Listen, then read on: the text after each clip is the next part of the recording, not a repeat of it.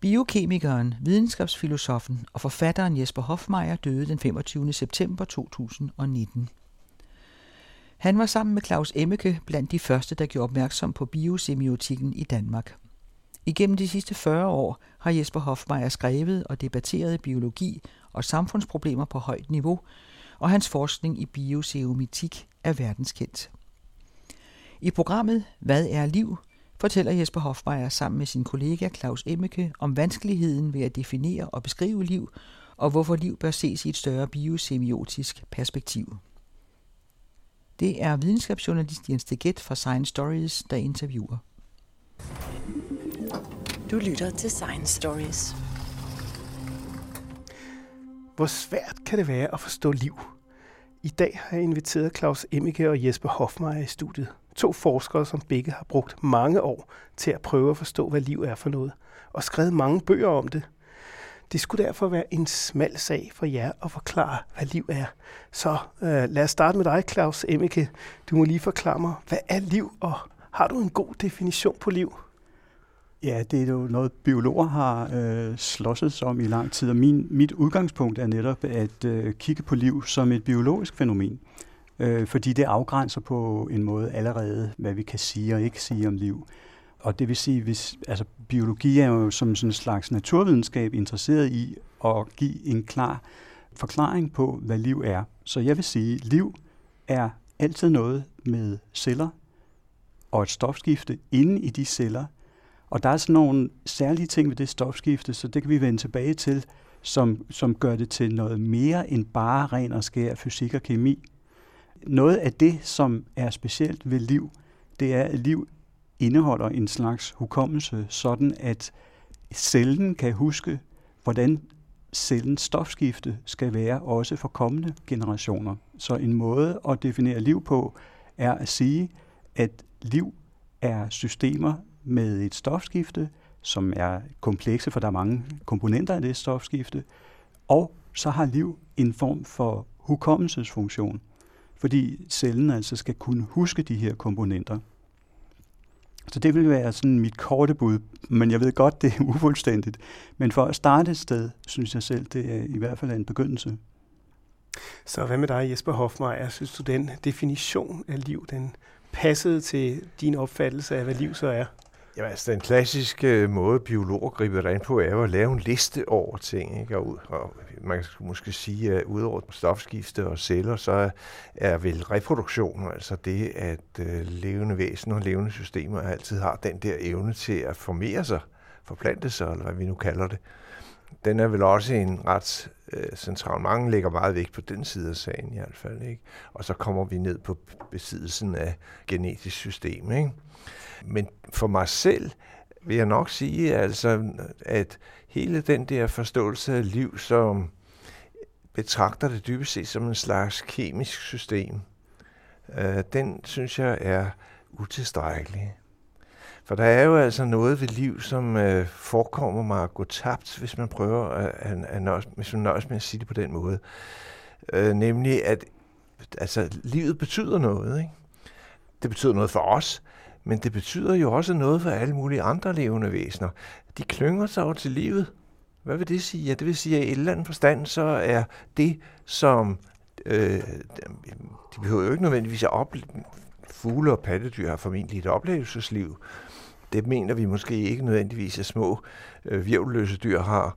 Formentlig ikke direkte, men de reagerer ikke desto mindre altid på det, som er uden for den. Men man kan jo ikke forestille sig, at en Altså med en sten er jo fuldstændig ligeglad med, hvor den ligger i verden. Ikke? Og selvom jeg sparker til den, så bliver den ikke vred på mig. Og det, der er ikke noget, der betyder noget for en sten. Det samme kan man sige om en sky. Ikke? Altså, den blæser rundt med vinden, men øh, den er jo ikke interesseret i, hvor den kommer hen. Men sådan kan man ikke sige, lige så snart vi har øh, med et levende system at gøre, en, et, et levende væsen at gøre, ja, så øh, betyder det faktisk noget for det. Det prøver at klynge sig til livet, ikke? og det betyder så, en hel masse ting, som er karakteristisk for den pågældende slags liv. Men jeg synes alligevel, jeg vil prøve at komme lidt nærmere øh, med forståelsen af liv, fordi jeg husker for eksempel for, for mange år siden, at øh, amerikanerne de sendte et par rumsonder afsted til Mars for at prøve at finde liv. Og øh, så landede de med vikingsonderne 1 og 2. Og straks efter, så havde de positivt resultat. Men det viste sig så, at øh, det holdt alligevel ikke. Ja, altså det ville jeg jo, hvis du havde spurgt mig dengang, have forudset. Men altså, det er jo nemt at være bagklog selvfølgelig. Altså jeg tror ikke, at man kan rigtig afgøre om noget, om der kan være liv eller noget bare ud fra kemi. Man er nødt til at se på, om der foregår processer af den art, som er karakteristisk for liv, altså øh, reproduktionsprocesser, processer, hvor nogen forsøger, som jeg sagde før, at klynge sig til livet, ikke? hvor der er Altså, det er ikke nok at bare se. På den anden side der er klart, at der er en masse kemi, som man, man kan sige, at denne her kemi er nok øh, central og typisk for steder, hvor der kunne tænke sig at være liv. Ikke? Vi har jo billioner af planeter, der ligner jorden rundt omkring i, i universet, så det skulle jo være meget mærkeligt, om der ikke var et eller andet sted, og måske mange steder formentlig, hvor man har, har liv faktisk af samme art som på jorden. Altså baseret på kulstof formentlig. Ikke? Og i vand, med vand som en central bestanddel. Altså på den måde synes jeg, det, men at det skulle sådan være i det nære solsystem, det betragter jeg som temmelig håbløs idé. Ja, men måske har der engang været liv på Mars, selvom der måske ikke er det øh, længere. Ja, ja. Og, øh, og der er også nogle forskere, som øh, leder efter liv på for eksempel nogle af de her måner omkring øh, Jupiter, ja. øh, blandt andet Europa, hvor de mener, at, at øh, under øh, isdækket, så er der måske flydende vand, og dermed også øh, liv. Men altså ikke lidt den gamle vidighed der med, at, at, at den fuglemand, der har tabt sin nøgle, ikke? Og, og, og, og leder efter, efter den under gadelygten, altså fordi det er det eneste sted, vi kunne finde den. Ikke? Altså, hvis man prøver at søge efter liv, så må man jo ud i verdensrummet. Det gør ikke noget, at blive i vores eget lille solsystem. Men jeg tænkte også på, øhm, er der nogen, der siger, at, øhm, at liv egentlig behøver at se sådan ud, som vi normalt opfatter det? Fordi øh, en af de ting, som jeg har hørt for eksempel NASA sige, efter de gav op med at, at definere, hvad liv var, så sagde de, om liv det er noget, vi kan genkende, når vi ser det. ja, mm. det lyder meget fornuftigt. Altså, det har man jo vist, altså små børn er øjeblikkeligt sand til på et billede og se, om noget er levende eller ikke levende. Eller på computeranimationen. Men øh, man kan arten. Men altså, i det store hele, ikke? Jeg ved ikke. Altså, jeg har en masse at sige om det, men der er Claus. Jamen, jeg synes, det er meget karakteristisk, at øh, det her med, at vi, vi kan genkende det, når vi ser det. Øh, fordi det gælder jo for det liv, vi har her på jorden. Og det er det, der er det store problem for en mere sådan teoretisk tilgang øh, til liv øh, i universet, det er, om vi kan sætte os ud over vores jordiske fordomme om, hvordan liv ser ud. Fordi i en vis forstand, så er alt det liv, vi kender til, biologisk set her på jorden, det samme. Altså det vil sige, det er bygget på den samme organisatoriske måde.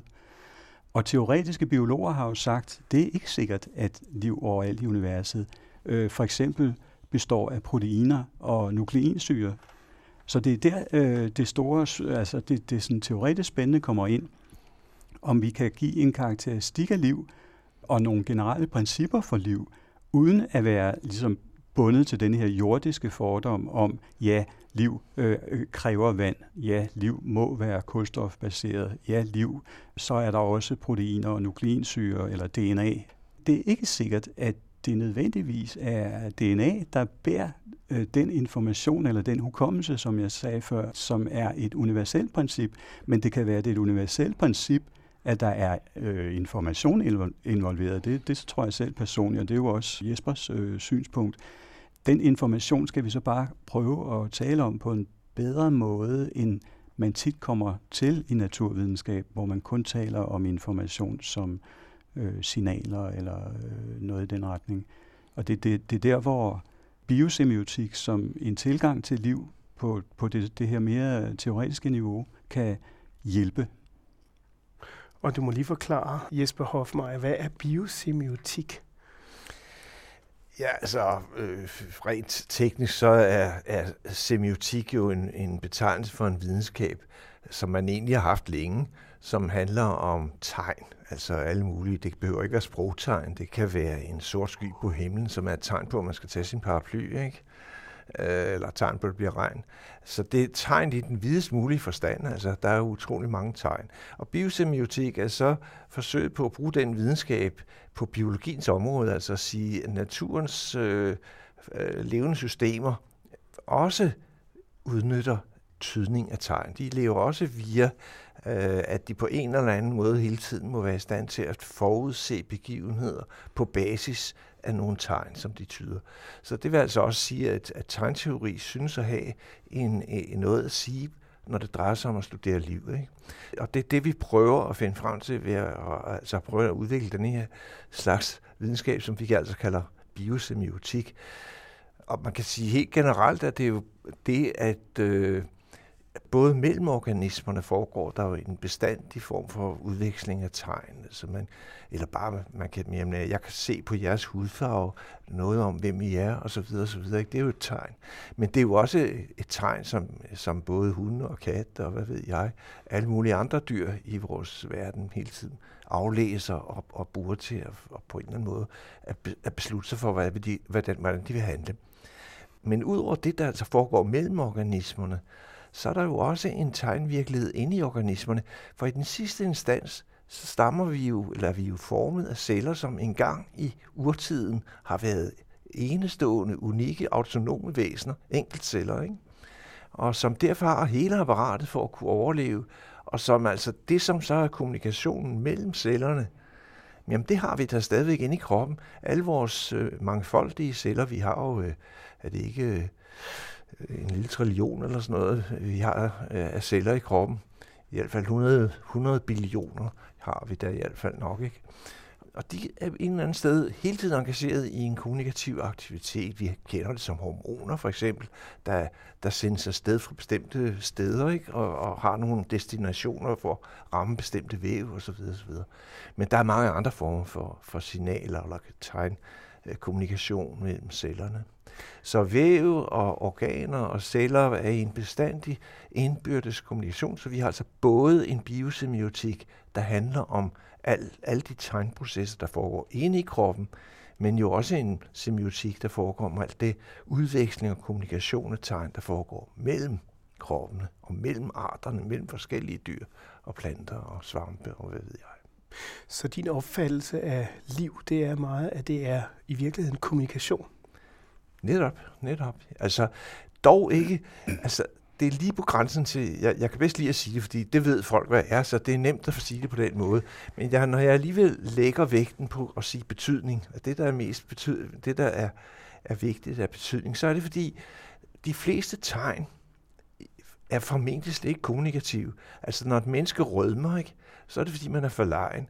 Og de fleste af jer synes, det er skide irriterende, at vi rødmer, fordi så kan de andre se, at vi er for lejen. Ikke? Så det er ikke kommunikation, eller rettere, det er det så. Fordi de andre er ondskabsfulde nok til at tyde det. Men, øh, men altså, og det samme gælder jo også meget af det, der foregår øh, ude i dyreverdenen eller planteverdenen for den sags skyld, at, at man, man udsender tegn, som de andre dyr kan, kan, kan tolke, men som ikke var ment som tegn til dem. Så derfor er det egentlig ikke kommunikation, det er tydning af tegn, og derfor, altså, hvad betyder det her? Hvad betyder det tegn? Ikke? Mm. Så det kan jeg bedre lige sige, at, at det er betydning snarere end, end kommunikation. Jeg kommer sådan til at tænke på øh, den danske Nobelpristager Jens Christian Skov, som for ikke så lang tid siden skrev en bog, øh, som handlede om, om hans opdagelse af natriumkaliumpumpen og om cellerne som elektriske. Altså han beskriver, når der kommer en mand kørende på en cykel, så er faktisk hele systemet elektrisk. Altså lige fra muskelsammentrækningerne til nerveforbindelserne. Alt, hvad der foregår, er i virkeligheden elektrisk. Så det er en stor elektromotor, som kommer kørende der. Og jeg tænker, Claus, kunne man forestille sig, at man havde elektronisk liv, eller liv forstået som noget, der foregik i en computer. Nu om dagen laver man jo mm. computerstyret liv, eller computermodeller. Hvor er grænsen, og hvor kan man sige, at det ikke er liv alligevel?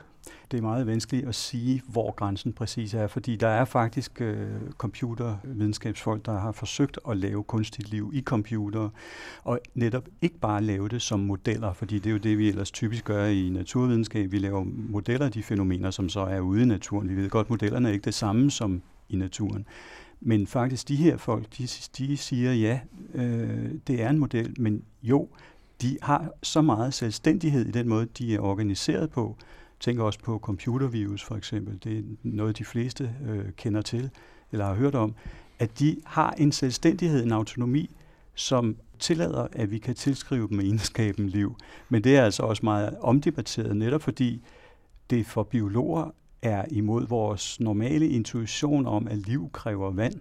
Det er der jo ikke en computer i, i fri form, og liv kræver øh, netop den særlige vekselvirkning mellem store øh, organiske stoffer, altså som, som øh, er det her biokemiske område. Ikke? Det er der heller ikke i en computer. Så hvad er det, der foregår inde i den computer, som de her folk påstår har, er, er, er, er lige så levende? Deres argument, det er, at hvis man kigger på de principper, nu talte Jesper før om, at liv skal kunne reproducere sig, de principper for reproduktion, som de har fået modelleret ind i denne her maskine, de er helt de samme som principperne for øh, reproduktion, som almindelige levende væsener bruger.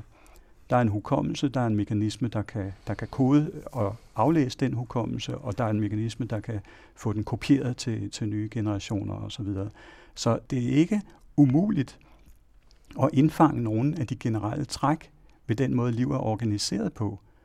Men spørgsmålet er, her øh, er der jo tale om et system, der er højst kunstigt. Altså computerne er jo et menneskeskabt system. Det er ikke ligesom spontant opstået. Så spørgsmålet er altså, om vi kan forestille os så ude i universet nogle systemer, som stofligt set er anderledes end det jordiske system med, med, med vores blanding af, af vand og, og uorganiske stoffer, og så en masse organisk kemi. Kan vi forestille os, det ser helt andet anderledes ud øh, i, i nogle andre planeter, for eksempel?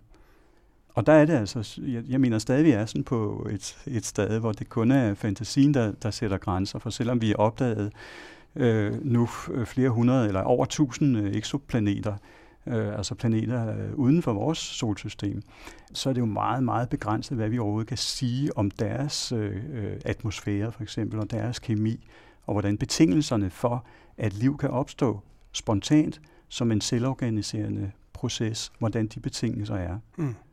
Jeg kan huske, at Fred Hoyle engang i 50'erne, han skrev en, en bog, der hed Den sorte tåge, som handlede om sådan en tåge, der kom ind og skyggede for solen. Og på et tidspunkt så finder forskerne ud af, at den her tåge, den rent faktisk er intelligent og kan kommunikere med dem. kan selvfølgelig kommer fuldstændig bag på dem af, af sådan en ting, øh, som svæver rundt i mm. universet. Det rent faktisk er noget, som er intelligent og i en eller anden forstand levende, selvom den ikke ligner noget liv, man, man kender i forvejen. Men, men Jesper, det har du også en mening om. Ja, altså, øh, det er jo også sådan noget der, ikke? Og selvfølgelig, øh, jeg mener, spekulationerne, der er jo ikke nogen, der, der jeg mener, man kan jo ikke bevise noget her, det er jo ren spekulation, ikke? Jeg vil pege på et forhold, som, øh, som trods alt gør, at jeg selv ikke bryder mig om at kalde det der øh, kunstige liv, som Claus lige har snakket om for, for liv. Og det er det forhold, at det vi kender til som liv, er, øh, om man så må sige, en det er altid en, en sjov oversættelsesvirkelighed mellem en digital kode og en analog kode. Altså vi kan sige, at det digitale element i menneskets, eller alle dyrs, alle organismers system, det er jo deres genetiske system. Altså DNA, det er jo en lang beskrivelse, så at sige, på digital form, nøjagtigt ligesom bogstaver, af, af alle de konstituenter, der er i cellen. Men så har vi også alle konstituenterne, de er rumlige, og det kalder vi så analog. Ikke? Altså, det er jo den analoge fase, hvor vi har noget, der skal kunne interagere dynamisk, altså i tidsprocesser og i rum. Altså i rum og tid, hvor man kan sige, at DNA'et i og for sig hverken rumligt eller tidsligt. Selvfølgelig er det, fordi det er et molekyle, men alligevel i, i, i den måde, det arbejder på, der kan man sige, der er det et, et rent digitalt system, altså mere logisk, ikke? Og men, den men, der kombination mellem de to systemer, er det, der skaber hele evolutionsdynamikken, synes jeg. Jeg kan ikke forestille mig den... Altså, man, hvis, man kunne, hvis man kunne få computeren til pludselig at have en analog fase, der svarede til tranens dans, ikke? Og de begyndte at danse rundt computeren, og så formere sig og forplante sig, så vil jeg begynde at sige, okay, nu nærmer vi os noget, der ligner liv. Men jo altså ikke før. Men i forlængelse af det kan man også sige, at det vi som normalt kender som liv, traditionelt set, det har den uh, helt specielle egenskab, at det ligner hinanden. Altså det bruger jo faktisk i vid udstrækning den samme genetiske kode, og det virker som om, at det er bygget efter bare en model, uanset hvad. Jo, jo, men der, der vil jeg selvfølgelig give Claus ret. Altså, det er da rigtigt, at det vil være tåbeligt at sige, at det nødvendigvis liv nødvendigvis skal være den form. Og jeg forstår også udmærket, altså Skovs tanker om, at det er elektrisk, men det er jo, det er jo rigtigt. Liv er jo en, en, en elektrokemisk ting i hele vores nervesystem, og alle vores celler er jo en stor gang blafrende elektro, elektrokemi. Ikke? Så altså, selvfølgelig kunne man godt tænke sig en digital fase, der ikke var lavet i DNA. Og at den så på en eller anden måde skulle kunne omsættes og oversættes til, fordi det er jo en bestandig oversættelsesproces, ikke? Altså, vi har vores genom, det bliver til øh, inde i en Excel, ikke? Og inde i Excel'en bliver det, bliver det så til et nyt barn, ikke? Eller et dyreunge. Det er jo en oversættelse fra det digitale til det analoge, men, men, men det er hele tiden en interaktionsproces, en meget dynamisk proces. Så vi skal altså tænke os et system, så hvis vi nu skulle ind i den der type over, altså så skal vi altså tænke os et eller andet elektrisk eller på anden vis togesystemet, hvor det var, som har den egenskab, at det veksler mellem en digitalitet, digital måde at udtrykke sig på, og en analog måde. Og det kunne man da sige godt. Jeg har ikke fantasi til det. Nej, altså der, der har jo været nogle, øh, nogle eksempler, hvor man, øh, at man har ment, at man havde fundet liv, som fungerede på en anden måde. Altså for eksempel var der nogle forskere fra NASA, som, som annoncerede her for et par år siden, at de havde fundet liv baseret på arsenik. Og det holdt sig helt, øh, desværre, han er sagt. Øh, jeg skulle nok ikke sige heldigvis, men desværre holdt det sig ikke, fordi det viste sig så, at selvfølgelig var de afhængige af fosfor, og selvfølgelig var de afhængige af de normale grundstoffer, men der var bare en meget stor øh, mængde øh, arsenik i dem, og de formåede at klare sig i et arsenisk miljø. Mm. Men igen, det er meget svært at komme i tanker om eksempler på undtagelser. Det du siger minder mig om, at øh, man kan sagtens forestille sig netop øh, noget i stil med andre organiske opløsningsstoffer for eksempel, som kan rumme denne her form for selvorganiseringsaspektet øh, af liv. Øh, så hvis du bare kigger på liv som noget, der er nogle systemer, der selvorganiserer sig selv øh, i naturen, det, der er biologer, der kalder autopoiese, og det har ikke noget med, med poesi øh, at gøre andet, end at poiese, det, er, det betyder produktion, så det betyder egentlig selvproduktion. Så de har fat i det her aspekt, at, at celler, de producerer flere celler, men de prøver på at lave en, en meget simpel form for alternativ selvorganisering øh, i et andet kemisk medie. Det er der blandt andet nogle svejsiske biokemikere, der har forsøgt, inspireret af denne her autopoiese-teori. Og der kan man godt øh, lykkes med det, men man kommer bare ikke så langt kun med selvorganisering. Det liv, som vi kender, er, som Jesper var inde på, baseret på det der samspil mellem øh, den digitale kode, altså det, som biologer typisk så siger, det er DNA, og så øh, det analoge, altså selve det kropslige aspekt af, af liv. Og det lykkedes de her folk ikke rigtig med at indfange. Altså det her meget simple, kunstige autopoetiske system, som minder lidt om, om din arsenikhistorie der. Mm. Men, men det er jo også fantastisk at tænke sig, at man har et system, som bygger på DNA eller RNA, øh, og som går igen i alle levende organismer, som vi overhovedet kender. Og så alligevel er der nogle små eksempler. Der findes ja. for eksempel nogle små organismer, som har nogle, uh, nogle andre typer aminosyre, som for eksempel selenocystein. Og så det er også sjovt, at man har fundet nogle ganske, ganske få organismer, ja. som, uh, som har en anden kode end den, som går generelt igennem uh, hele livet. Altså vi siger jo normalt, at netop den der homogenitet, som jo egentlig er overraskende, altså vi alle sammen har den samme slags DNA osv., osv. og det samme system, så at sige, at, at det er et argument for, at livet har en oprindelse. Ikke? Personligt vil jeg gerne tænke den tanke, at vi kunne have tænkt, at livet kunne have opstået mange gange, men der har været en form, der har været mere effektiv og har udryddet de andre. Ikke? Det er jo en anden mulighed.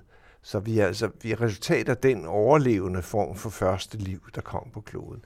Det der med, at der så er, er variationer i, hvordan øh, genet altså faktisk via, via RNA og oversættes til protein, det er jo interessant, altså. Og, og, men det viser for mig måske snarere, at øh, der jo altid er utrolig mange, øh, altså der er mange frihedsgrader, og, og naturen arbejder, for at bruge det den kliché, naturen arbejder selvfølgelig ikke for naturen, er jo et, et, et abstrakt begreb.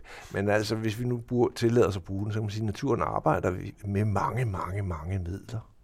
og der opstår mange mærkelige ting i den. Ja, man kan også sige, at, at den traditionelle opfattelse, vi har haft af DNA-koder for RNA, som så bliver til proteiner, som så mm. styrer cellerne og styrer livet og styrer kommunikationen, om så må sige, at den er jo også brudt fuldstændig ned, fordi det, det man i sin tid kaldte det centrale dogme, viser øh, ikke at holde stik. De kommunikerer faktisk den anden vej også. Ja, altså det, som så så klart ud for 30 år, siden, 40 år siden, var sådan noget, ikke? at man havde de der fuldstændig simple skema, DNA til RNA til protein, og aldrig den anden vej. Ikke? Altså det er jo totalt smuldret i dag. Der, der er så mange andre måder, ting foregår på. Ikke? Så gå ind i det, det er en kæmpe teknisk diskussion. Jeg ved ikke, om du kan forklare tingene, Claus? Altså, man kan måske antyde det ved at sige, at det er jo selvfølgelig velkendt, at vi alle sammen har mange forskellige typer celler i vores krop. Øh, nogle siger, at der er omkring 250, nogle siger 300 forskellige celletyper. Alle de celletyper øh, vil indeholde det samme DNA, så ligesom koden er i alle de celler. Og der skal vi så have den, det aspekt ved liv, at der er forskellige kompleksitetsniveauer. Men, men jeg tror, pointen her, det er også at sige, at DNA er ikke det, der styrer cellerne. Det er snarere cellerne, der læser DNA'et øh, efter, hvad der nu er behov for at læse ud af det her DNA. Altså, og det, det ved jeg, det er også en af, øh, af Jespers øh, pointer, at øh, gøre op med tanken om, at øh, liv som et, et biologisk fænomen er centralt styret af DNA. Hvordan kan du forklare det, Jesper? Nå, men altså, øh, DNA'et skal fortolkes, vil jeg jo foretrække at sige. Ikke? Altså, der sker i den enkelte celle en fortolkning. Altså, nu kan jeg ikke lige huske et, et, et, det konkrete, men jeg kan huske, der er i hvert fald et eller andet protein, som bruges i mange forskellige af, af kroppens væv. Det protein er opbygget af det, som fagteknisk hedder introns og exons, som er stykker, der henholdsvis af DNA'et, som henholdsvis kommer med over i, i genet, og som bliver øh, splicet sammen, øh, og så bliver alle de der exons, de bliver så smidt væk, ikke? Øh, nej, omvendt er det vist nok, ja. Men i hvert fald, det bliver sammensat som sådan en slags øh, konglomerat af 13 forskellige stumper. Og det viser sig, at i nogle celler bliver det sammensat, de der 13 stumper sammensat på en rækkefølge, eller at der er 10 af dem, der er med i den celle, i en anden er der syv af dem, der er med. I en anden celle, tredje slags celle, er der 12, der er med, og så videre. Så jeg kan huske, der er et væld af forskellige måder, det der selv samme gen kan blive til beslægtede, men dog forskellige proteiner, der har vidt forskellige egenskaber, eller vidt forskellige, men lidt forskellige egenskaber, sådan at de i levercellerne har en øh, måde at arbejde på, mens de i øh, fedtceller har en anden måde at arbejde på. Nu kan jeg ikke huske konkrete eksempler her. Jeg, jeg digter lidt, ikke? Mm. Øh, og I hussætter måske en tredje måde. Og det der, hvordan sker det? Ja, det kan jo ikke ligge i generne. Det ligger jo ikke i generne. Det ligger jo i de signaler, de celler øh, har fået på et eller andet tidspunkt, formentlig i deres, øh, i løbet af udviklingen, fosterudviklingen osv., som gør den cellelinje egnet til at læse genet på nøjagtigt den her måde. Ikke? Og det vil altså sige, at det der sker, er en interaktionsproces mellem et digitalt system, hvor vi har en beskrivelse af alle konstituenterne, og så hver celle vælger nogle af de beskrivelser ud og kobler den på sin egen måde, nøjagtigt som vi går på biblioteket og tager nogle bøger med hjem, mens nogle andre går på biblioteket og tager nogle andre bøger med hjem. Ja. Og vi vil jo aldrig sige, at det er biblioteket, der bestemmer, øh, hvad for noget vi læser. Det er jo altså nogle gange mennesker, der læser. Mm. Og på samme måde er det ikke DNA'et, der bestemmer, hvordan kroppen eller cellerne fungerer. Det er altså kroppen og cellerne, der bruger DNA'et. Jamen, det vil også øh, meget karakteristisk for, hvordan øh, altså liv har udviklet sig. Noget af det, der har overrasket forskerne allermest ved det humane genomprojekt, var jo for eksempel, at man forventede sig, at der ville være over 100.000 gener. Og efter man så havde sekventeret det hele og taget den mindste lille stump og sat den sammen, så fandt man ud af, at der var maksimalt 20.000. Ja. Og øh, altså væsentligt mindre, end man mente, der var, der var behov for. Så man kan sige, at, øh, at man klarer sig, det er, organismen klarer sig med meget mindre, end man umiddelbart skulle tro for at lave mange forskellige ting. Den, den hiver simpelthen bare stumper ned fra hylderne. Ja, ja. Men vi, altså, vi, vi, vi hørte jo altid om de der gener før tiden. Så var der et bøssegen, og der var et skizofrenigen, og jeg ved ikke, hvad det ikke var af gener. Og, og det er klart, at hvis alle vores egenskaber skulle gøres op i gener på den måde, det, ja, så ville vi have brug for, jeg ved ikke hvor mange. Men det, der er sagens kerne, er jo, at vi kan næsten endnu mere sigende, synes jeg, er, at forskellen mellem de gener, altså der så vidt jeg husker, kun 200 gener, som er specielt for mennesket, øh, og anderledes end de er hos en gris. Øh, selvfølgelig er de så, at mange af de andre gener er modificeret, men der er altså virkelig kun 200 gener, der er sådan decideret forskellige.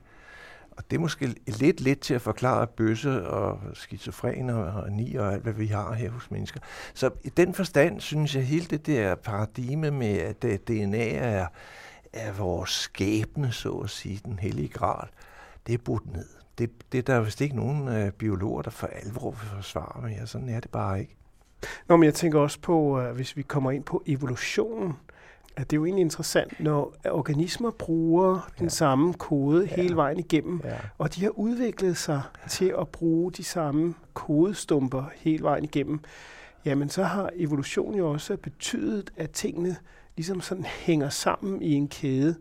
Ja. Uh, jeg, jeg tænker på, at, at dengang, at man fik de første organismer, som, uh, som udviklede sig til at være øh, nogen, der kunne hænge sammen, jamen så var det måske, at de fandt ud af at koordinere deres liv, og så man har jo stadigvæk nogle eksempler på organismer, som både kan være enkelte organismer, og som kan være mm. en samlet organisme. Nu tænker jeg for mm. eksempel mm, ja. på, på slimsvampe. Ja, ja det med, med, med svampe og den type organismer, som er en blanding af planter og dyr, det er jo, det er jo virkelig spændende at, at bringe evolutionen ind der. Det er helt klart, fordi hvis vi tager for eksempel os selv med et veludviklet nervesystem, så er det nervesystem ikke noget, vi finder nødvendigvis øh, tilsvarende former af i alle dyr. Øh, og du nævner selv, nu nævner du øh, øh de her slimsvampe, det er så, så er vi over i, i sådan en hel øh, gruppe af meget specielle organismer, der har en del af deres livsfase som enkeltceller, sådan nogle amøber, der kravler frit rundt på skovbunden, og en anden del af deres livsfase, hvor de her amøber så celler finder sammen og organiserer en flercellet organisme, som altså øh, minder om sådan et svampelæme. Og øh, et, det der faseskift er netop styret af signaler mellem de her amøber. Øh, så også der ser vi et godt eksempel på, hvor vigtigt det er at forstå den her kommunikative, eller vi vil hellere sige semiotiske øh, dimension af det levende, øh, som altså her er koblet til, til selvorganiseringsaspektet. Øhm, men jeg vil også godt, øh, altså nu, nu taler vi om nogen, der kravler rundt, øh, og det bringer jo bevægelse ind øh, i billedet. Og bevægelse, når, når vi taler om liv generelt, øh, Øh, så er det jo ikke alle organismer, der bevæger sig. Altså planter er jo ret øh, stabile og ikke særlig bevægelige, bortset fra når det, at de vokser. Øh, så øh, igen må vi ligesom sondre mellem forskellige organisationsniveauer, og, og det interessante i evolutionen er jo at, at se, hvad der sker, når vi får flercellede organismer, som er nødt til at kunne lave en særlig kobling af den information eller de, de tegn, der kommer udefra, og så hvordan organismen bevægelsesmæssigt skal reagere på det. Og det er netop koblingen mellem øh, sansningen og motorikken. Øh, og den kobling, den findes øh, hos langs de, de fleste dyr, vi synes er inter, interessante, men den findes altså ikke hos alle dyr. Altså havsvampe for eksempel, øh, som, som øh, sidder fast nede på, på bunden og bare sådan en flercellet koloni. Der er ikke nogen nerveceller, men nervecellerne er helt gennemgående generelt øh, væsentlig komponent i det at have et nervesystem og netop kunne lave denne her kobling mellem sansning og motorik eller hensigtsmæssig øh, reaktion på, øh, hvad der sker i omgivelserne. Så, så du kan sige, øh, nervesystemet, altså det det organ i, øh, i dyrenes krop, som er helt afgørende for koblingen mellem den her øh, tolkning af ydre tegn, og så den indre formidling og fortolkning af de ydre tegn for at finde en passende øh, bevægelse. Når vi nu øh, beskriver den her evolution, man kan sige fra enkelte organismer til flercellede organismer, som så er i stand til at kommunikere med sig selv og hinanden. Den evolution er vel også en eller anden form for semiotisk proces? Ja, der er jo mange forestillinger om evolution. Ikke? Jeg, jeg synes, et meget vigtigt ting, de har hævet frem nu, i, i måske i sådan indledningsvis her, det er jo, at, at livet er historisk. Ikke? Og, og også i forbindelse med det med kunstig liv. Altså, vi skal jo lige huske på, at altså, det første livsformer opstod for næsten 4 milliarder år siden. Vi kan selvfølgelig ikke være helt sikre, men det skal nok være deromkring. Ikke? 4 milliarder år, det er altså lang tid, ikke? Og, for, og, og for først for omkring 2 milliarder år siden får vi den type moderne celler, som, som er i sådan nogle som os, ikke? Dyreceller, planteceller osv., eukaryoter, som det hedder. Og øh, først omkring for, for 5, 6, 700 millioner år siden opstår der egentlig fritlevende dyr, ikke? I flercellede dyr, ikke? Men det sjove ved den der historie er at vi bærer ligesom historien i os. Man kan sige, altså både bærer vi den jo så dels i fosterudviklingen, der kan man jo stedet se, hvordan vi gennemløber stadier, der ligner noget, der har været tidligere former for liv, eller mm. vores forfædre i hvert fald på en eller anden måde. Ikke?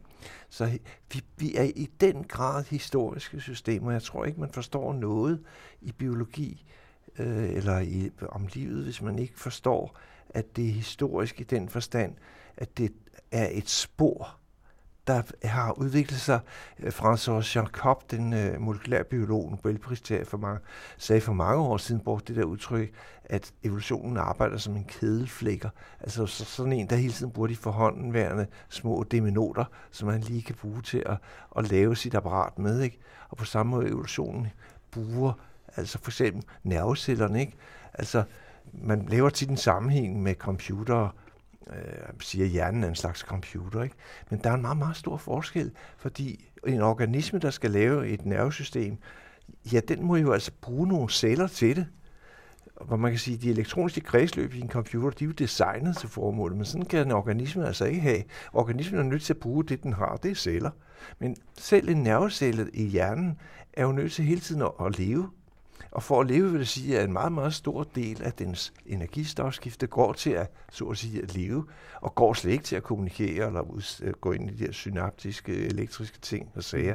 Så en nervecelle har slet ikke den samme form for, hvad skal man sige, øh, præcision og troværdighed, som et elektrisk kredsløb har.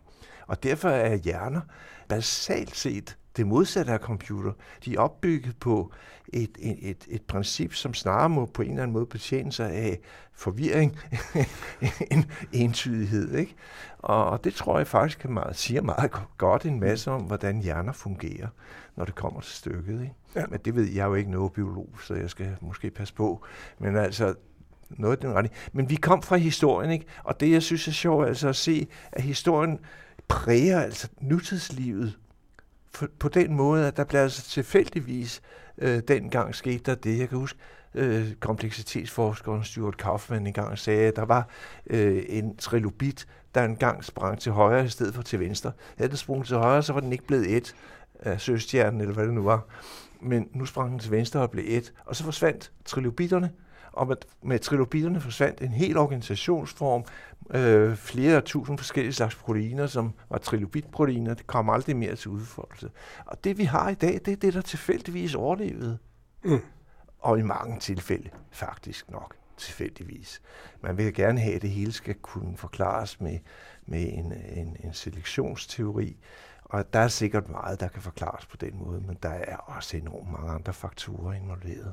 Men, men det, du, det du er inde på, det er så også, at når man for eksempel ser et foster, så gennemløber det en masse evolutionære stadier. Altså, ja. Altså det bliver først til en pade og en fisk, og, og, og den får gælder, og, ja. Og hvad hedder det, hele blodkredsløbet kommer til at ligne ja. en krokodille i virkeligheden på ja. et tidspunkt. Og, og der, er, der er en masse af de der evolutionære stadier, vi kender fra forskellige dyr, ja. som man simpelthen bare kan se øh, følger den historiske udvikling. Ja. Og så ender man så med at blive et, et menneske. Ja, det er fascinerende. Ja. Men, men jeg tænker også på, at det er jo egentlig utroligt at tænke sig, at de organismer, vi har nu om dage, at de sådan er skabt ud af noget, der har været tidligere. Altså at de så har forløbet sig fremad og, og, og fortsat med at så blive en ny organisme, som så har udviklet sig videre. Jeg tænker på, kan man forestille sig, at der er en retning i øh, evolutionen, Claus? Altså, kunne man forestille sig, at evolutionen den er på vej et sted hen, Er det, er, det mere, er det mere kompleksitet, eller hvor er vi ja. øh, henne af? Jamen, der, øh, der rører du ved et meget spændende felt, og noget, der har været øh, vildt øh, debatteret, fordi det er en pointe i, i darwinismen, at der ikke er nogen forudgivet retning i, i øh, evolutionen.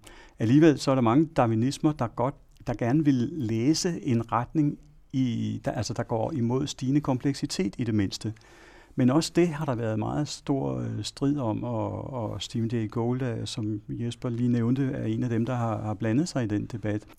Det vi skal huske på, når vi ligesom tegner et billede i vores sind eller hoved, eller hvor vi nu tegner det af evolution som noget, der går fra sådan nogle små encellede organismer, der så finder sammen i flercellede, og så ender med, med mennesket på øh, evolutionens pyramidetop. Det er et billede, som selvfølgelig tyder på en stigende kompleksitet, men altså de simple organismer er her jo stadigvæk, og, og, og, og andre siger så, at øh, bakterierne er altså stadigvæk den største succes her på øh, klodens evolution, for det er dem, der er allerflest af. Eller græs. Eller græs. så vi skal passe meget på, hvad vi udnævner øh, til succeskriterium. Det er ikke nødvendigvis en god idé at være den mest komplekse, og, og netop det her med, at, øh, at store komplekse øh, arter, som for eksempel øh, dinosaurer, de kan også sagtens risikere at uddø. Øh, så hvad der er øh, ligesom et, et fremskridt i gåseøjne, det er det, biologerne har lært, at det skal de vare sig meget med at, at tale om. Der er ikke noget indbygget, forudgivet fremskridt i øh, evolutionen, men altså der er så en kumulativ tendens. Så selvom vi er meget kritiske over for det her med at tale om, om fremskridt, så må vi dog alligevel som videnskabsfolk indrømme, at der er nogen, altså vi kan pege på nogle tendenser i udviklingen. Øh, og det gælder også, hvis vi tager et organ. Altså nu talte vi før om nervesystemet. Øh, det, der starter øh, på et tidspunkt med nogle nerveceller, der ligger i et, i et netværk, altså kig på goblerne i dag øh, ude i havet, øh, de har jo ikke nogen hjerne, men de har et nervesystem, som minder om sådan et løst koblet netværk af nerveceller, øh, som alligevel er tilstrækkeligt til at koordinere denne her goblebevægelse, og at den en gang imellem kan lukke øh, munden op og i, øh, og hvad den ellers skal som goble. Men øh, der kan vi også der tegne et, et billede af hjernens udvikling som en sammenklumpning af nerveceller, og hvordan det så har forløbet inden for de forskellige øh, dyrerækker. Det er jo velkendt, at, øh, at øh, blæksprutten er et rimeligt øh, intelligent dyr sammenlignet med, med andre bløddyr, men dens hjerneudvikling har jo forløbet helt uafhængig af den øh, udvikling af hjerner, der vi ser inden for øh, virveldyrene øh, Øh, eller leddyrene, bare for at tage øh, den store gruppe eller klasse af dyr. Så der er nogle meget brede generelle tendenser, vi kan se. Ja, sammenklumpning af mange nerveceller er sikkert en god idé, hvis man skal løse komplicerede opgaver, der kræver en vis øh, intelligens. Øh, men derfra så til, til at sige, at, øh, at, at der er tale om ligesom et indbygget fremskridt i retning af mere og mere intelligente dyr, det er der ingen øh, biologer, der vil skrive under på. Mm. Men jeg, jeg tænker på, at øh, biologien har øh, fundet ud af, altså i den fase, så der er mellem enkeltceller og flercellede organismer, har man jo fundet ud af, jeg tror det var Christine Nusslein Folkhardt, mm. som, som i, uh, i, i 90'erne øh, fik Nobelprisen for at have, have vist, hvordan den udvikling, der foregår i øh, i en organisme rent faktisk er styret af nogle biokemiske gradienter, mm. som gør, at de enkelte små elementer eller segmenter hen over en, en gradient, ja. at de udvikler sig alle sammen forskelligt. Og det vil sige, at man har sådan en, man har i virkeligheden sådan en, en overordnet kontrol, som er bygget oven på de enkelte organismers altså de enkelte ja, cellers ja. funktion, som gør, at man får et samlet system uh, til at udvikle sig. Det er jo, ja. det er jo ret fantastisk. Du, du peger på øh, den forskning, der foregår i udviklingsbiologien, øh, altså den del af biologien, der handler om det at komme fra en enkelt befrugtet ægcelle til en, en voksen, kompleks organisme. Og biologerne siger tit, at den er styret af et udviklingsprogram, så vi skal bare finde det her udviklingsprogram, hvad det er. Men der må man jo sige, at øh, det er sørme nemmere sagt end gjort, og metaforen udviklingsprogram kan være øh, en, en lidt af en forhekselse af vores øh, forstandige fremgangsmåde, fordi øh, programmetaforen øh, netop peger i retning af computeren, men det er slet ikke sikkert, at en organisme øh, ligesom er programmeret, vi var lidt inde på det før, øh, på samme måde som du kan programmere en computer. Den selvorganiseringsproces, der ligger i at komme fra en befrugtet ægcelle og så til et voksent individ, altså den er jo øh, ekstremt mere kompliceret end blot et forhold mellem et, et digitalt program og så det, der skal udføre øh, programmet. Og den forskning, du nævner der med øh, Nobelpristageren øh, Nusslein Folhards forskning, var jo et bidrag til at forstå netop, hvordan sådan noget som lemmer med et bestemt antal fingre kan dannes. Og vi kan godt tale om det som programmeret i den forstand, at, at vi, altså de fleste børn ender jo med at have fem fingre og fem tæer. Øh, men det er ikke engang givet. Altså, der sker også nogle gange fejl i den udvikling. Så vi skal være meget varsomme med de her øh, metaforer, men det er jo sjovt, fordi mange af de metaforer, også programmetaforerne, er jo en semiotisk metafor. Det er en metafor, som er bygget på, at det har noget med kommunikation, det har noget med betydning, øh, som Jesper nævnte, øh, at gøre, for at kunne forstå de her hmm. mekanismer. Men jeg vil godt tilbage til, fordi nu fik vi så en meget fin biologisk beskrivelse af, af den her udvikling og evolutionen. Uh, men jeg tænkte på, ud fra en, en semiotisk uh, tolkning, hvordan ser du den semiotiske forklaring på, hvad der sker evolutionært, når liv udvikler sig? Altså jeg synes lige, men, hvis jeg lige må skyde ind, jeg synes et element, vi er nødt til lige at nævne her i den her type diskussion, det er, øh, at, der, at man kan sige, biologi, evolutionsteori har jo et 100-årigt slagsmål med religion. Og en af grundene til, at man er så varsom med at sige, at der er en retning i, i, i altså evolutionen, det er jo blandt andet, at man ved, hvordan de der kreationister øh, vil gribe det og sige, det er Guds vilje, der bliver udtrykt her. Ikke? Og det er meningen, og meningen er her. Så vi er som naturvidenskabsmennesker, er vi meget forsigtige med at prøve at komme ind i det landskab. Så når jeg bruger ordet mening om noget, så vil det altid være en lokal sammenhæng, hvor man lige præcis det dyr befinder sig i denne her situation, så er det meningsfuldt at gøre sådan og sådan. Men der er ikke nogen mening med stort M, og det tror jeg ikke, man får nogen, næsten ikke ret, i hvert fald meget få biologer til at mene. Men altså, når vi vender til det spørgsmål, du sådan konkret stillede mig, jeg kan huske, at der var så mange diskussioner for en 20 år siden, eller sådan noget, eller 10 år siden, ah, 20 år siden snarere, om hvorvidt man kunne spore en tendens til kompleksitetsforøgelse op igennem evolutionen. Og i det store hele har det vist sig meget vanskeligt. Men det afhænger jo af, hvordan vi definerer kompleksitet. Og jeg kan huske, at jeg på det tidspunkt der for mange år siden tænkte, jamen hvad nu hvis vi i stedet for at snakke om kompleksitet som sådan noget med en hel masse forskellige ting, der er øh, interagerer på mange forskellige måder osv., så, hvordan man nu kan finde ud af at definere kompleksitet. Hvad nu hvis vi i stedet for siger, jamen der er en semiotisk kompleksitet, det vil sige en kompleksitet af den type budskaber, som formidles via betydningsdannelse i forskellige organismer. Så, så, så det du mener, det er en større øh, semiotisk øh, frihed? Ja, ikke? Altså det, det hvis jeg, jeg, jeg kan, altså for at undgå at komme, komme ind i kvantitative diskussioner om, som kompleksitetsbegrebet næsten nødvendigvis kommer til at føre ind i, så har jeg så valgt at kalde det semiotisk frihed. Altså hvis, hvis semiotisk frihed forstår jeg så det, at, et, at et, uh, en organisme eller et system af en art er i stand til at tyde budskaber af, af stor dybde, om man så må sige, men store komplekse, eller komplekseste, eller dybde, man kunne bruge logisk dybde, men jeg prøver at undgå den type begreber. Så jeg vil, jeg vil mene, at for eksempel mennesker er jo semiotisk meget frie.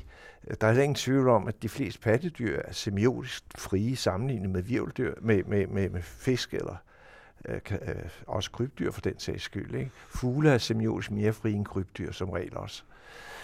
Det er ikke nogen almen regel. Der er masser af af, af eksempler, der kunne pege den anden vej. Men i det store hele mener jeg, at evolutionshistorien har udvist en tendens til, at der er opstået arter, som har en større semiotisk frihed i, i de senere stadier af den. Og jeg synes egentlig, det er meget logisk, fordi øh, at have semiotisk frihed vil jo sige, at man er i stand til at forudse, ikke? at man kan tyde de tegn, som gør, at her skal jeg nok hen for at finde vand, eller her skal jeg passe på ikke at være, fordi der er farligt, osv. osv.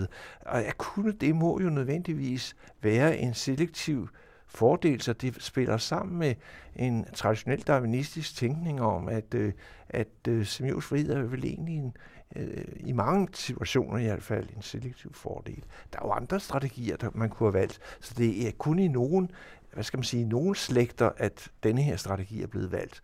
Men alt i alt vil jeg nok mene, at man kan påvise en retningsbestemmelse i evolutionen i den retning, at senere tilkommende væsener i det store hele som tendens har større semiotisk frihed end de tidligere tilkommende. Ja, og for, for at følge op på det, Jesper netop siger, at øh, denne her tendens til, at semiotisk frihed indebærer, at man kan tyde budskaber af større og større øh, kompleksitet, eller logisk dybde, eller hvad man skal kalde det. Altså, det, og det er bundet til, at man kan forudsige ikke bare den ydre natur, øh, forstået som fødeemner, eller hvor det er godt at gemme sig, men også at man kan forudsige andre organismer og deres øh, adfærd, og det de er på vej til at gøre. Og der bevæger vi os jo ind på hele det område, der handler om det sociale og opståen af det sociale samspil blandt, øh, blandt dyr, øh, som er meget spændende. Og vi kender jo selv øh, øh, i virkeligheden fra vores hverdag forskel på dyr, som blot øh, reagerer ligesom umiddelbart på det, der er i omgivelserne. Det kan være ret simple øh, dyr, det kan være en flue. Øh, fluen er sikkert ikke så oplagt god til at tolke andre fluers hensigter, øh, Øh, men masser af dyr, vi, vi ser til daglig, altså øh, hunde og katte og så videre, og de kan jo læse os, og, og læse i gåseøjne, for de kan forstå, hvad vi er på vej til at gøre. Så alle de steder, hvor der er det her samspil mellem forskellige dyr, der opstår der også en form for øh, overlevelsesbestemt behov for at kunne forudsige, hvad der foregår i omgivelserne i de andre dyr. Øh, så når jeg går hen af fortorvet øh, forbi en krave, der sidder og, og, og pikker i et eller andet, så gider den der krave ikke at flyve væk, fordi den, er åbenbart, den har åbenbart fundet ud af, at jeg faktisk øh, ikke er den, er den uvenlige stemt. Øh, jeg plejer ikke at jage med den, så den går sådan bare lidt til side.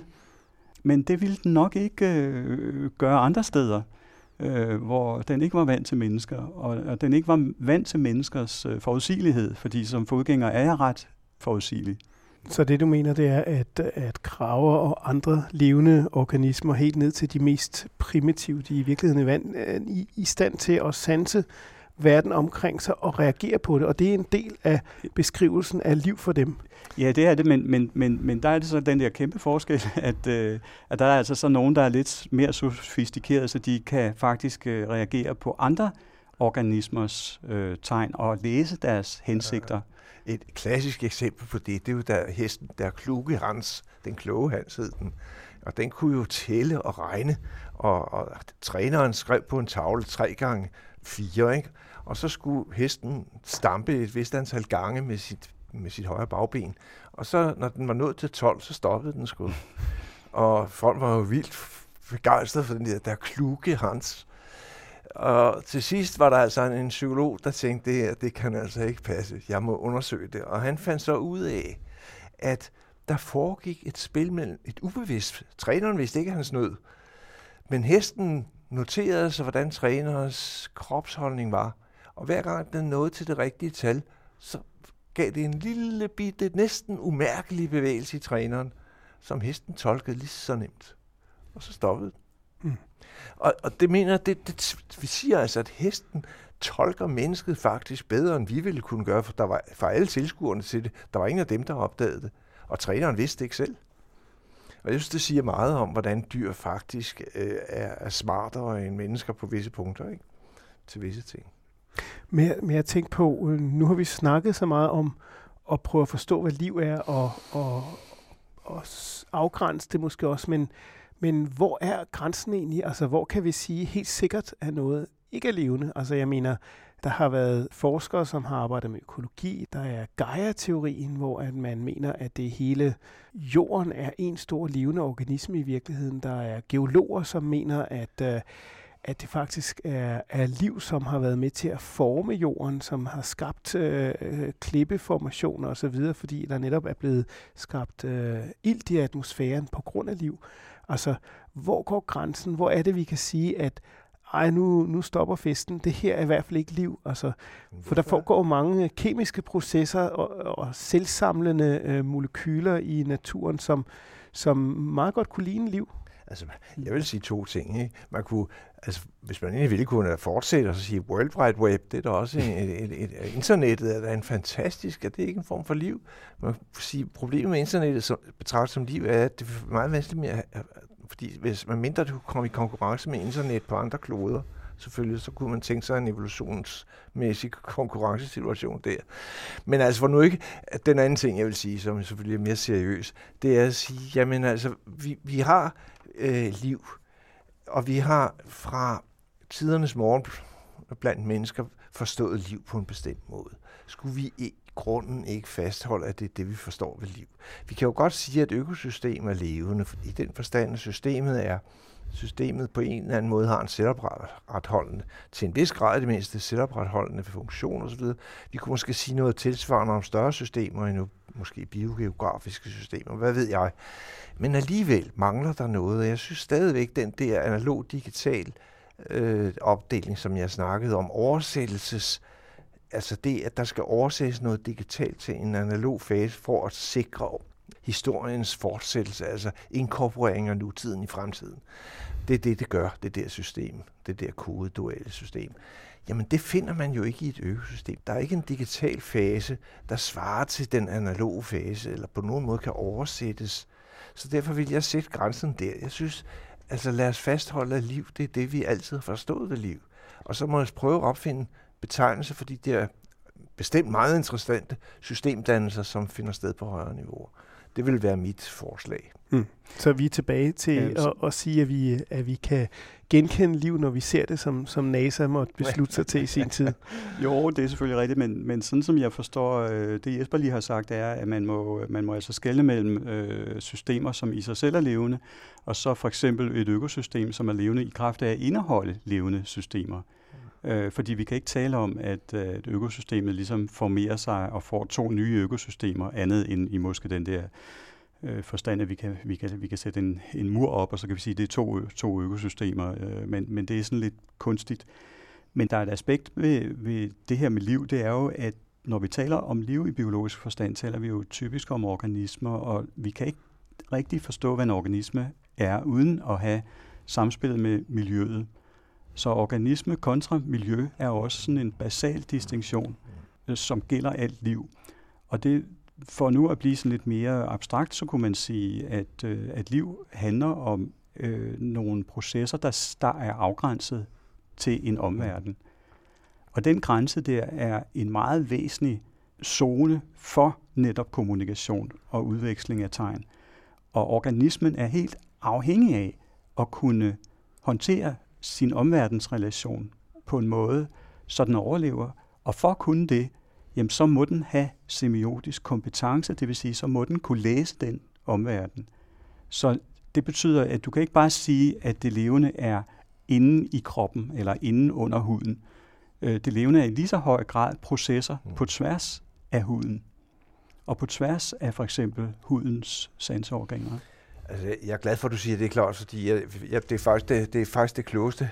Det, det var klogere end den måde, jeg greb sagen an på, så vidt jeg kan se. Ikke? Det er mere præcist. Og der er jo nemlig også en, en, en, en, en komplicerende faktor, som vi lige skal nævne. Ikke? Altså, vi, vi er vant til at tænke på, på organismer. Ikke? Man tager et egetræ. Hvad er det for noget? Ja, der er der nok måske tusind forskellige organismer, der er et del af det egetræ, ikke? Larver og svampe og øh, ting og sager, der lever inde i, i vedet og så videre.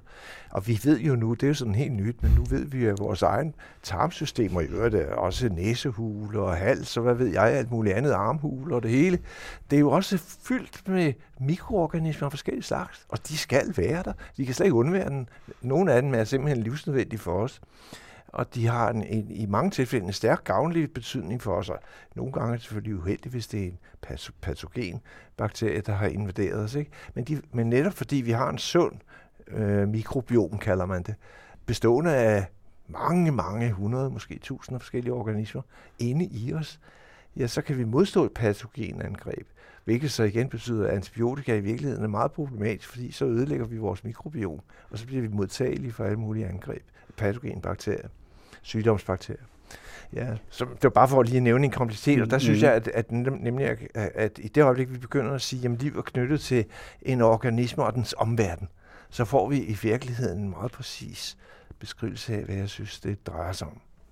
Men i forlængelse af Claus Emmekes udsagn, så tænkte jeg, kunne man sige, at liv var afhængig af en semiotisk kompetence, eller det måske i virkeligheden var livets sjæl?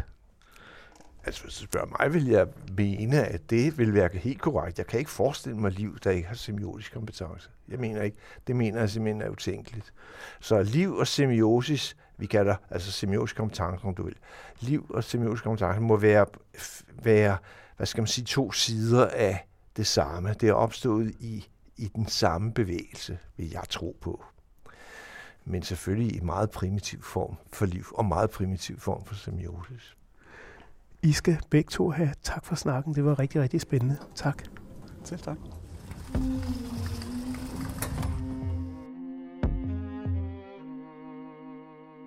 Programmet Hvad er liv? var med nyligt afdøde professor emeritus Jesper Hofmeier og hans forskerkollega Claus Emmeke. Det var videnskabsjournalist Jens Deget, der interviewede.